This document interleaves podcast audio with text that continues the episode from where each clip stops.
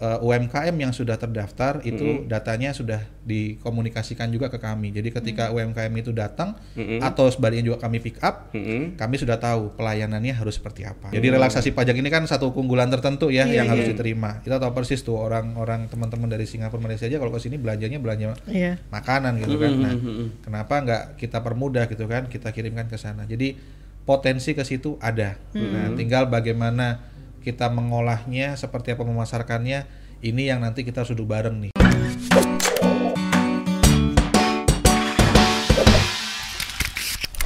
Sore ini kita nyulik Mas Armi nih.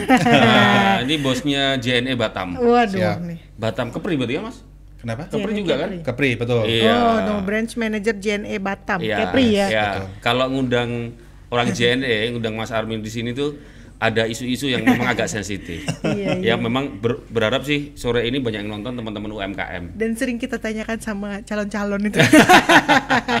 Nggak ada Pak mau merubah ini Pak Eh, gitu. enggak, enggak, enggak. Tapi eh, eh, kenapa kita undang eh, Mas Armi dari JNE ini eh, ngomongin logistik, ngomongin ekspedisi itu Hmm. bagian terpenting dari sebuah distribusi eh, di pemasaran, Pemasaran, gitu loh. iya, betul. Banyak orang yang berhenti di logistik atau di di, di apa distribusi. Hmm. Nggak bagus artinya bisnis atau UMKM pun juga banyak yang ini. Nggak kayak bagus, kita aja kayak misalnya kita bisnis koran kalau kita lemah di distribusi kalau kita di apa sirkulasi, Sirkulasi. ya pasti produk kita ini. Jadi Benar, penting Dim. penting banget ngomong soal distribusi. Kalau ngomong soal distribusi ngomong logistik ekspedisi. Apa sih bedanya logistik sama ekspedisi? Logistik ya, Sama aja sebenarnya. nah, intinya bagaimana barang itu nyampe ke user. Iya, Betul. betul. ya kan? Ke nah konsumen. mm, Ini jadi- saya nyapa dulu nggak ya? Hah? Boleh. Nyapa dulu nggak ya? oh harus Oke. Hai Tribuners. Hai Tribuners, selamat sore, salam jumpa. Ya, Semoga ya. semuanya sehat dan semangat. Ya, Oke, itu tuh. yang penting sehat Penting semangat terus dan sehat ya. Sebenarnya kalau kalau di JNE itu proses pengirimannya gimana sih Mas selama ini? Mungkin Oke. buat gambaran umum dulu lah. Ngir- Ngirimnya itu gimana sih? Baik. Jadi eh, JN ini kan sudah cukup dikenal ya oleh masyarakat di Indonesia. Kita kan perusahaan nasional, perusahaan putra bangsa. Nah, jadi kita melayani kiriman itu dari door to door. Jadi benar-benar dari pengirim sampai ke tangan penerima, ya kan? Eh, kita bahkan ada sudah ada layanan pick up. Jadi si pengirim pun ini bisa punya opsi mau ngantarkan barangnya itu ke titik penjualan kita Mm-mm. atau kita jemput Ke rumah. ke alamat si pengirim, Pengirim itu ya. tersebut betul. Untuk kemudian kita proses. Nah kalau untuk Batam nih kan jelas nih pulau. Ya kan? Berarti keluarnya pilihan cuma dua. Naik pesawat atau naik kapal gitu ya. Nah itu semua juga kita yang ngatur kita yang proses sampai nyampe di kota tujuan. Untuk kemudian diantarkan oleh tim kita yang di kota tujuan nyampe ke tangan penerima. Kurang lebihnya seperti itu sih Iya. Pak. Jadi, kalau ngomong angkutannya apa yang digunakan ya semuanya semuanya dipakai. Iya, kalau mau nyebrang laut ya pasti kapal, kapal, Kapal. Betul. lewat udara, udara. Udara. Betul. Jadi eh, armada kita tentunya eh, udara, darat dan laut. Darat pun ini semuanya mau yang eh, truk, trucking ataupun kereta itu semua kita gunakan. Iya, iya, iya. Poinnya untuk memaksimalkan pengiriman. Seperti itu. Kalau udara itu pasti menggunakan jasa airline dari pihak lain atau memang Atau Betul. sendiri? Saat ini kita ada dua, jadi kita juga ada kerjasama dengan eh, maskapai penerbangan domestik nasional. Juga kita ada pesawat yang dari kita sendiri nih, yang kita provide itu. Tujuannya tentu nggak ada lain nggak ada bukan memaksimalkan ya, karena kan Batam nih kirimannya luar biasa nih, ya kan jumlahnya banyak nih. Kalau ngandelin pesawat yang penumpang, wah nanti rebutan tempat tuh sama bagasi Oh, gitu ya. betul, betul, Nah, betul, jadi kita emang betul. sudah sediakan juga khusus pesawat kargo yang bisa mengangkut barang kiriman JNE. Oh, karena kalau ngandalin ma- maskapai yang apa untuk penumpang kan mereka udah ada jadwal-jadwalnya, iya, ya kan? betul. Nah, pasti ada satu maskapai pesawat atau apa yang memang di provide oleh oleh JNE yang mungkin bisa ngisi di luar jadwal-jadwal reguler. Siap, betul sekali. Iya betul. Kalau hanya ngandelin ini, kalau iya kalau pesawatnya nanti hari ini terbangnya cuma sekali gitu, apa eh, dua kali. Kalau cuma sekali atau mungkin nggak terbang, Nah, lewat ya, betul. Mas ya. Lagi. Belum lagi kalau misalkan ternyata penumpangnya bawa tasnya gede-gede gitu ya, nggak cukup nih tempatnya gitu kan. Oh, Jadi kita mesediakan pesawat satu khusus kargo yang fokusnya adalah mengangkat barang kiriman JNE. Mm-mm. Gitu. Iya. JNE itu top man. Kalau udah apa e-commerce itu ya udah JNE. selalu selalu JNE itu ya. Mesti pilihannya pilihannya banyak. Banyak, Cuma kadang tahunya tuh JNE. gitu. Iya, tapi kita JNE aja. Amin, amin. Alhamdulillah. Iya iya. Kalau proses pengirimannya menggunakan angkutan udara itu gimana prosesnya Pak? Iya, jadi ini yang khusus di Batam ya. Jadi kita kan pastinya mengikuti regulasi juga. Jadi semua kiriman yang sudah kita terima ditransaksikan di kami, pastinya akan diinput datanya terlebih dahulu untuk kemudian kita proses di ada namanya TPS. Nah, setelah di TPS-nya ada pengecekan. TPS Di itu apa, situ. Mas? Tempat penampungan sementara. Oh, Jadi di situ dicek bukan tempat pembuangan sampah ya? Bukan. Oh. Jadi dicek di situ kesesuaian eh, declare barangnya, kemudian dengan isi kiriman, kemudian juga kalau Batam ini khusus FTZ kaitannya sama pajak, ada penyeke- pengecekan juga harga barang. Gitu. Oh. Ketika semuanya clear, maka barang bisa langsung diproses ke bandara untuk diberangkatkan Ke bandara. ke bandara. Saat ini kalau yang kalau ke ya tu- lah tujuannya dulu ya nih Iya, ya. iya, Kalau iya. tujuannya ke pulau-pulau ya naik kapal ke Iya. pelabuhan berarti. Tapi kalau Mm-mm. misalkan Keluar tujuannya Batam, ke keluar keluar ke- Batam ke Pulau Sumatera, Pulau Mm-mm, Jawa, mm-mm. kita maksimalkan dengan pesawat agar lebih cepat. Oh. Tapi khusus Batam memang ada pengecekan soal harga tadi ya. Iya. Betul. Daerah lain nggak ada mas ya? Sejauh ini kalau daerah lain Hari ini, kalau enggak. kiriman dari sesama kota di Indonesia Ah, itu ah. harusnya nggak ada. Nggak ada ya. tapi karena Batam ini kan daerah FTZ Spesial ya. spesial gitu ya. Jadi perlakuannya juga spesial. Oh Seperti iya, itu. iya, Mungkin itu iya. juga yang kemarin bikin lama ya. Ya?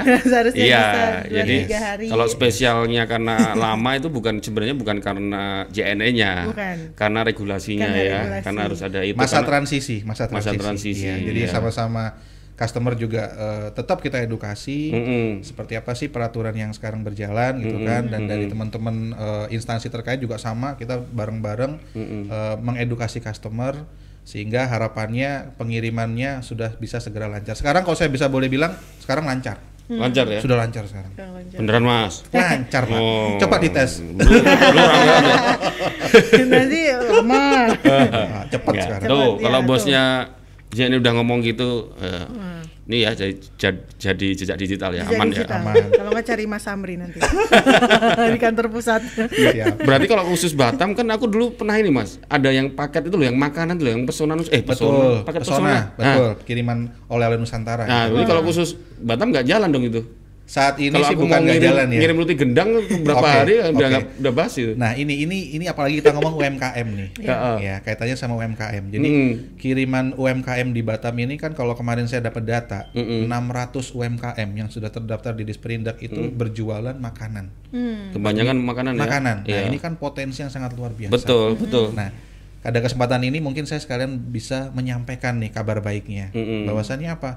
Kalau teman-teman UMKM dan sudah terdaftar di Disperindak itu sebenarnya mendapatkan keunggulan-keunggulan. Mm-mm. ya kan satu pastinya ada relaksasi pajak Oh, Nah, ini- tapi ini harus yang- daftar dulu ke Disperindak harus ya? terdaftar di Disperindak. Oh, pastinya itu, itu, ya. betul Hmm. jadi nanti Disperindak pun eh, saat ini sudah aktif nih bekerja sama dengan kami meskipun mungkin belum ada MOU-nya ya Hmm. tapi secara koordinasi dengan tim pemasaran kami tim sales kami itu sudah berjalan Hmm. apa itu jadi eh, UMKM yang sudah terdaftar itu Hmm. datanya sudah dikomunikasikan juga ke kami jadi ketika UMKM itu datang Hmm. atau sebaliknya juga kami pick up Mm-mm. kami sudah tahu pelayanannya harus seperti apa Hmm. gitu. Jadi relaksasi pajak ini kan satu keunggulan tertentu ya Iya, yang iya. harus diterima. Itu yang pertama. Terus yang kedua dalam sisi pemberangkatan pun Mm-mm. saat ini secara teknis saya sudah melakukan eh, satu program khusus di operasional kita. Mm-mm. Jadi barang-barang ini nggak kecampur dengan barang-barang yang lain kalau Oh, makanan. dipisahkan ya. kita Jadi pisahkan, dipisahkan, betul. betul, betul, betul. Nah jadi harapannya ketika masuk ke proses TPS tadi pengecekan itu petugas juga sudah tahu oh ini isinya makanan. Wah, jalur hijau. Yes. Itu khusus makanan aja tuh Pak. Ya, dipisahin, makanan dipisahin. sama kemarin sih kita ngomong dokumen mungkin ya dokumen-dokumen penting ya kita lihat Atau lah memang khusus UMKM, maksudnya ini barang UMKM gitu, bukan ya? saat ini kan saya bilang ini nih nah ini yang ini yang juga eh, harus harus ditindaklanjutin nih Iya. Mm-mm. UMK eh, orang yang berjualan makanan di Batam ini belum semuanya loh terdaftar di UMKM Hmm, itu. ya kan belum Iya, terdaftar di Disperindak Iya. nah jadi ini yang kiranya nanti bisa bareng-bareng nih eh, harapannya dengan eh, acara ini juga saya bisa menyampaikan Mm-mm. ayo teman-teman yang berjualan eh, makanan Mm-mm. apalagi keunggulan dari kota Batam lokal produksi lokal Mm-mm. baiknya bisa menjadi UMKM terdaftar di Disperindak. Disperindak. Nah, tuh. betul. Nggak ada rugi ya. Daftar tuh bayar nggak? Nah ini Disperindak kali yang bisa menjawab ya Pak ya. Oh, iya. Iya iya iya. Disperindak mohon besok ke podcast. Ke podcast ya. mau Kita tanya. Kita dijelaskan. iya, iya. Eh, sebenarnya harusnya ini benar-benar dimanfaatkan nih Iya. teman-teman UMKM ya, apalagi yang yang bisnis kuliner dan sebenarnya kalau ngomong kuliner Batam tuh macam-macam. Yes. Termasuk di sini aja ada gudeg loh, ada gudeg namanya gudeg yang yang di. Oh, itu Enak enak itu mas. ya? Oh enak mas, itu cabangnya cabangnya Jogja, khusus pasar Sumatera. Siap, siap. Biar kalau dia mau masan ke Medan, eh, bisa pakai itu. Kebetulan saya suka wisata kuliner juga nih. Iya sakit pinggang tuh. Iya. Biar di- tidak hanya jualan di Batam aja. yes, betul. Makanan-makanan banyak dulu kan ada, nggak tahu tuh banyak yang udah hilang lagi, udah mulai agak surut. Iya. Makanan-makanan tuh, oleh-oleh khas Batam. naga kayak gitu-gitu kan udah pada banyak. Iya. Apalagi di pulau-pulau. Saya kemarin keliling pulau-pulau sudah di Daik itu ada cemilan-cemilan khasnya Daik tuh. Nah, itu juga kemarin kita sudah kolaborasi dengan yang di sana, UMKM di sana. Di Tarempa juga dengan eh, ikan terinya, ikan asinnya itu. Itu sangat potensial banget sebenarnya untuk bisa dipasarkan nggak hanya di lingkungan Kepulauan Riau, bahkan mungkin sampai nasional atau bahkan Iya, iya, diekspor iya. gitu loh. Iya, iya. Itu di situ nanti yang mungkin kita berusaha memaksimalkan peran kita. Iya, Mas, Mas, Mas. Siap. Tadi kalau yang yang perlakuan khususnya hanya yang untuk Batam ya. Padahal JNE-nya apa eh, yang di Batam itu kan dia juga handle lingga. Betul. itu kalau yang UMKM mereka, mereka eh, di luar Batam nggak nggak nggak nggak berlaku itu ya. nggak berlaku nggak berlaku jadi saya pun kan kita pun kan sudah sudah eh, bikin strategi ya gimana caranya kalaupun misalkan barang itu harus masuk ke Batam Heeh. kita sudah kondisikan kita sudah Oh. koordinasikan sehingga prosesnya juga smooth Oh ya kan karena kalau misalkan aku nggak tahu ya teknisnya kayak misalkan teman-teman pelaku UKM yang di Pinang di mana di Anambas misalkan itu eh, itu pengirimannya apakah harus TPS-nya harus ke Batam atau nggak bisa juga langsung dari nggak juga kan kita Oh, punya juga banyak ya? punya banyak rute kita gitu Jadi jadi itu jagonya lah soal rute Yes. ya. Pasti udah diatur Betul. rupa ya. Yang penting semuanya sesuai regulasi. Itu yang mungkin digaris, di, di garis bawahi ya. Ah. Jadi JNE di sini sangat-sangat patuh dengan regulasi. Jadi Hmm. semua strategi, semua eh, rute yang kita maksimalkan termasuk armada yang tadi saya bilang udara Hmm. laut dipastikan adalah sesuai dengan regulasi yang sudah ditetapkan pemerintah. Iya. Nah, mungkin ya itu aja tadi concernnya yang teman-teman UMKM yang Batam ya. Iya. Berarti Pastiin ter- terdaftar di Disperindak agar bisa ekspansi keluar. bisa keluar. Betul. ya. Kalau yang jualan di Batam aja ah, Betul. nggak berkembang berkembang. Betul. Itu sih juga eh, jadi kita kan menghadapi sekarang kalau UMKM itu sebenarnya ada dua model pemasaran ya. Konvensional yang kayak dulu gitu kan. Jadi mungkin harus di toko, pajang segala macam. Padahal sekarang kan eranya digital. Pembeli aja kalau kita cek survei itu 90% adalah generasi N. Saya sebutnya N nano. Nah. Kenapa? Apa? Nunduk. Hah? Jadi kalau pegang HP kan mesti nunduk gini kan? Wah. Nah, N nunduk. Oh, eh, oke, generasi baik, nunduk baik. gitu kan. Jadi Berarti tua muda eh, generasinya N Generasi ya. Betul. Sekarang kalau saya lihat anak-anak muda itu beli nasi goreng aja bukan bukan naik motor gitu kan, tapi langsung lihat HP gitu. Iya, iya, ya, iya, iya. Itu nasi goreng gitu kan. Bayangkan Iya. bayangkan ketika eh, teman-teman UMKM bisa memaksimalkan dengan berjualan di digital gitu kan. Nah, di situlah kita berusaha untuk apa nih mengawal gitu kan supaya teman-teman UMKM ini bisa maksimal. Hmm. Jadi nanti itu apa ada pembahasan kita Ya, Yang tanya ya, soal itu ya. digital Yes, itu. Iya, iya, iya, Nah, iya. kalau misalnya nih eh, Mas Amri eh, misalnya tadi ada pengiriman barang tapi resikonya kan pasti ada tuh. Iya. Hilang, rusak apalagi melalui dari misalnya dari maskapai yang yang dari inilah maksudnya. Hmm. Bukan yang sendiri misalnya gitu kan. Oke. Nah, itu apakah memang ada benar tanggung jawab dari JNE terkait ini? Pasti. Jadi Hmm. kita tuh? Oke, jadi yang pertama adalah ketika ditransaksi dulu nih, titik transaksi. Kita sudah ada SOP untuk memastikan barang yang kita terima itu secara packing aman. Gitu ya. Kita juga ada layanan packing kayu. Jadi semuanya itu untuk memastikan supaya barang ini ketika dikirim itu kan naik turun pesawat, bisa juga nanti naik turun truk. Itu kita harus pastikan semuanya aman sampai di tempat tujuan. Iya. Itu dari sisi packing dulu yang pertama. Dari sisi yang kedua, kita juga sudah ada nih SOP-nya apa itu asuransi. Jadi untuk barang-barang yang kita lihat adalah high risk, beresiko tinggi untuk eh, ada damage gitu ya, kita selalu anjurkan untuk diasuransikan, gitu. Jadi kita eh, insya Allah secara SOP, secara layanan bahkan after sales kita sangat-sangat baik. Hmm. Kita sangat-sangat support karena ya tadi itu kembali lagi kita berusaha amanah.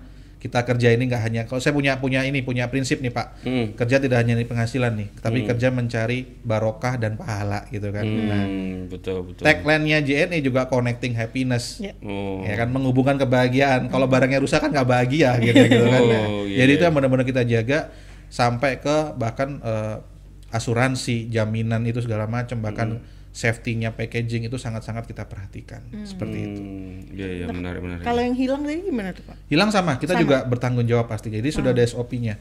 Pergantian eh, baik pengembalian ongkos kirim ataupun pergantian barangnya.